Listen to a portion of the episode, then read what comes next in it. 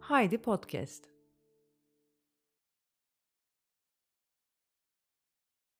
Taziyeye giderken düşünülmesi gerekenler. Öykü.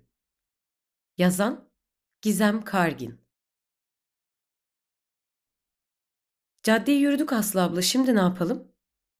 Petrol ofisine kadar ilerleyin. Turuncu büyük bir kapıdan içeri gireceksiniz. Hangi siteydi abla? Menekşe evleri, diyor. Siteyi buluyoruz. Abla numara kaçtı? Sekiz numara, diyor. Abla kaçıncı kattaydı? Dört, diyor. Beni ısrarla buraya getiren arkadaşımın telgrafla haberleşiyormuş havası yaratarak aldığı adres aklıma kazınıyor. Menekşe Evleri, Ziya Paşa Caddesi, numara 8, kat 4. Ev adresleri. Bir takım numaralar, isimler, köşedeki bakkallar. Ev sahibi için sıradan olan her şey benim için keşifkar bir gözleme dönüşüyor. Şerif amcayı bu merdivenden indirdiler demek.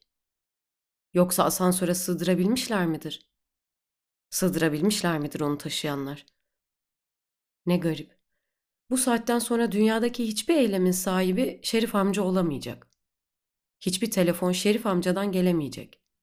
Karar veremeyecek, pişman olamayacak, adım atamayacak. Özleyemeyecek. Özlemini gideremeyecek. Gelecek zaman kipiyle Şerif amcanın bir cümlede yan yana gelmesi bile kulağa komik geliyor. Şimdi edilgenliğin, giderek küçülen ve yok olan şeylerin zamanı. Yaşam diriliği, büyümeyi, ilerlemeyi ve akışı talep ederken ölüm işe yaramazlık ve çürümeyi emrediyor. İyice dalmışım, silkeleniyorum. Taziyeye giderken bunları düşünmemelisin diyor vicdanım. Sonra adamın küçük toparlak göbeğini, kır saçlarını, Aslı abladan daha kısa oluşunu, ara sıra verdikleri davetleri, ne kadar da cömert davrandıklarını düşünmüyorum. Cömert adamların da ansızın göçüp gittiklerini, adamın inançlı olup olmadığını ama Tanrı'nın ısmarlanan yemekleri sevap niyetine sayma ihtimalini düşünmüyorum. Adil olmalı. Önemli olan hani özümüzdü diye hiç hiç düşünmüyorum.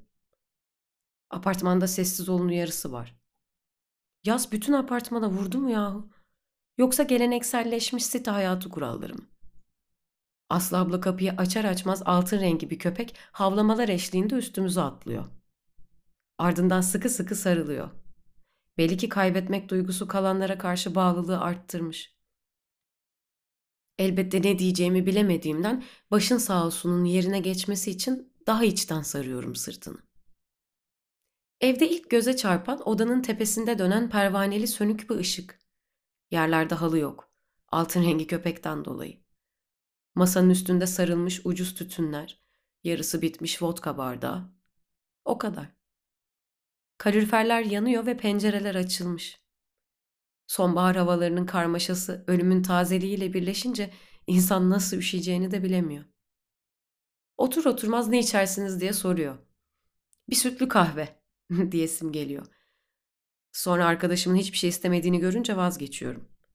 Ellerimi bağlayıp koltuğa gömülüyorum. Küçüklük alışkanlığım hala ömrünü sürdürüyor anlaşılan. Annemin misafirlikteyken gözüme bakıp yok toktur o yemez deyişini hatırlar gibiyim.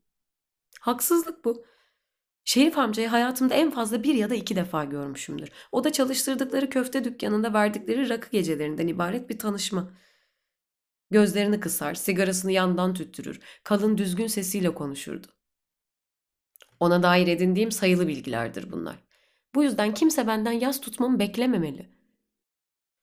Yine de cesaretimi toplayıp mutfaktan bir fincan kahve alma hakkını kendimde göremiyorum. Oysa ki en yakın akrabalar bile ölen kişiyi bir kenara bırakıp yemekten bir kaşık alır. Eğer dikkatle incelerseniz iştahla ağzını açanlara, son lokma ile ayrını denkleştirmenin derdine düşenlere bile şahit olabilirsiniz. Ölüm dışarıdan bakıldığında şaşırtıcı ve sarsıcı durabilir. Fakat dünyevi ihtiyaçlar her zaman öne geçmek için çabalar. Kişi yas tutar, vücut serum ister. Kişi yemeden içmeden kesilir, vücut direncini kaybeder. Tıpkı yeni doğmuş bir bebek gibi durmadan ilgi ister dünyada olmak. Kahveyi en iyisi evde içerim diye düşünürken aralarında ortak dostlarından söz açıyorlar. Konuya dahil olamadığımdan evdeki ölümün kokusunu açıkça duyabiliyorum. Gülümseyen bir fotoğraf eskitme ahşap rafların içinde duruyor. Her yere kaybın tuhaflığı kondurulmuş. O ev artık varlık evi değil. Anmanın, özlemenin, toprağa yakınlığın evi. Havadan sudan konuşurlarken beklenmedik bir anda kocası için hazırlanan fotoğraf albümünü açıyor. Yakınlarının yazdığı bir takım yaşamsal izlere ait notlar. Kaybetmek ne tuhaf. Hiçbir kötü anı gelmez mi aklıma?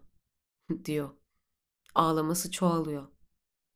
Kayıp bu biçimde hafifletilebilir mi? Bu hafifletme yöntemini tanıyorum. Eve bak.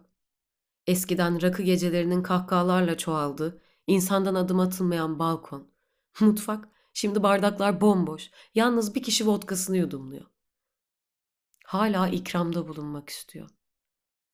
Ağlamaklı sesiyle kahve var içeride kendiniz alın isterseniz dedikçe bu yokluğu biliyorum. Bu tatsız tütünleri, içkileri, kendi kendine öten televizyonu. Alışkanlıklar işte. Çokluk, gelen giden, ikramlar, durmayan ikramlar. Kirlilik ne güzel şeydi. Ne çok yaşatırdı insanı kirlilik. Bu balkonu tanıyorum. Genişçe, herkesin sığabileceği büyüklükte. En çok bu yoracak onu. Eskiden çoğaltan, kalabalık eden şeyler, şimdi daha çok yalnızlığını söyleyecek.